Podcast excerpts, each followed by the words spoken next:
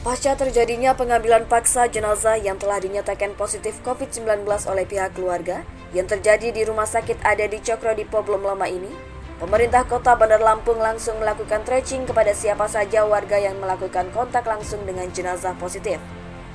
Wali Kota Bandar Lampung Herman HN meminta kepada warga untuk tidak melanggar protokol kesehatan, termasuk kontak langsung dengan jenazah yang telah dinyatakan positif COVID-19. Mengimbau masyarakat janganlah kalau kena COVID jangan karena akan menularkan yang meninggal itu malahan lebih ganas lagi COVID-nya. COVID-nya keluar di badannya, mungkin di kulit-kulitnya akan kena nanti.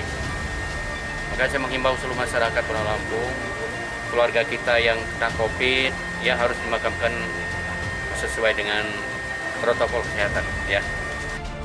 Sementara Edwin Rusli, Kepala Dinas Kesehatan Kota Bandar Lampung mengaku telah melakukan tracing kepada warga Gudang Lelang, Kelurahan Pasar Kangkung selang satu hari setelah kejadian mengingat situasi yang cukup memanas.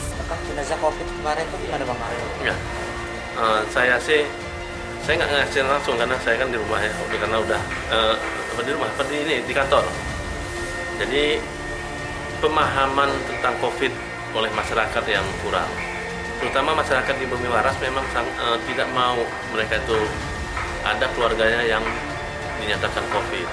Mereka menyatakan bahwa mereka tidak COVID. Mereka minta surat. Itu sebenarnya nggak ada perlu lagi surat. Orang udah positif kok. Nah jadi mereka memaksa. Kita panggil gugus tugas, datang petugas. Tapi memang tidak terlalu ramai, dua tiga orang, tiga orang lah polisi. Tapi tidak bisa nahan mereka puluhan, bahkan sampai ratusan mungkin ramainya.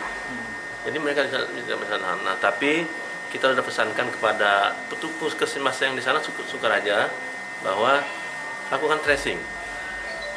Kita lakukan tracing besoknya masih belum bisa karena keluarga masih kondisi panas lah. Nah, tapi hari ini udah melakukan udah datang lagi, tapi nanti saya belum dapat laporan.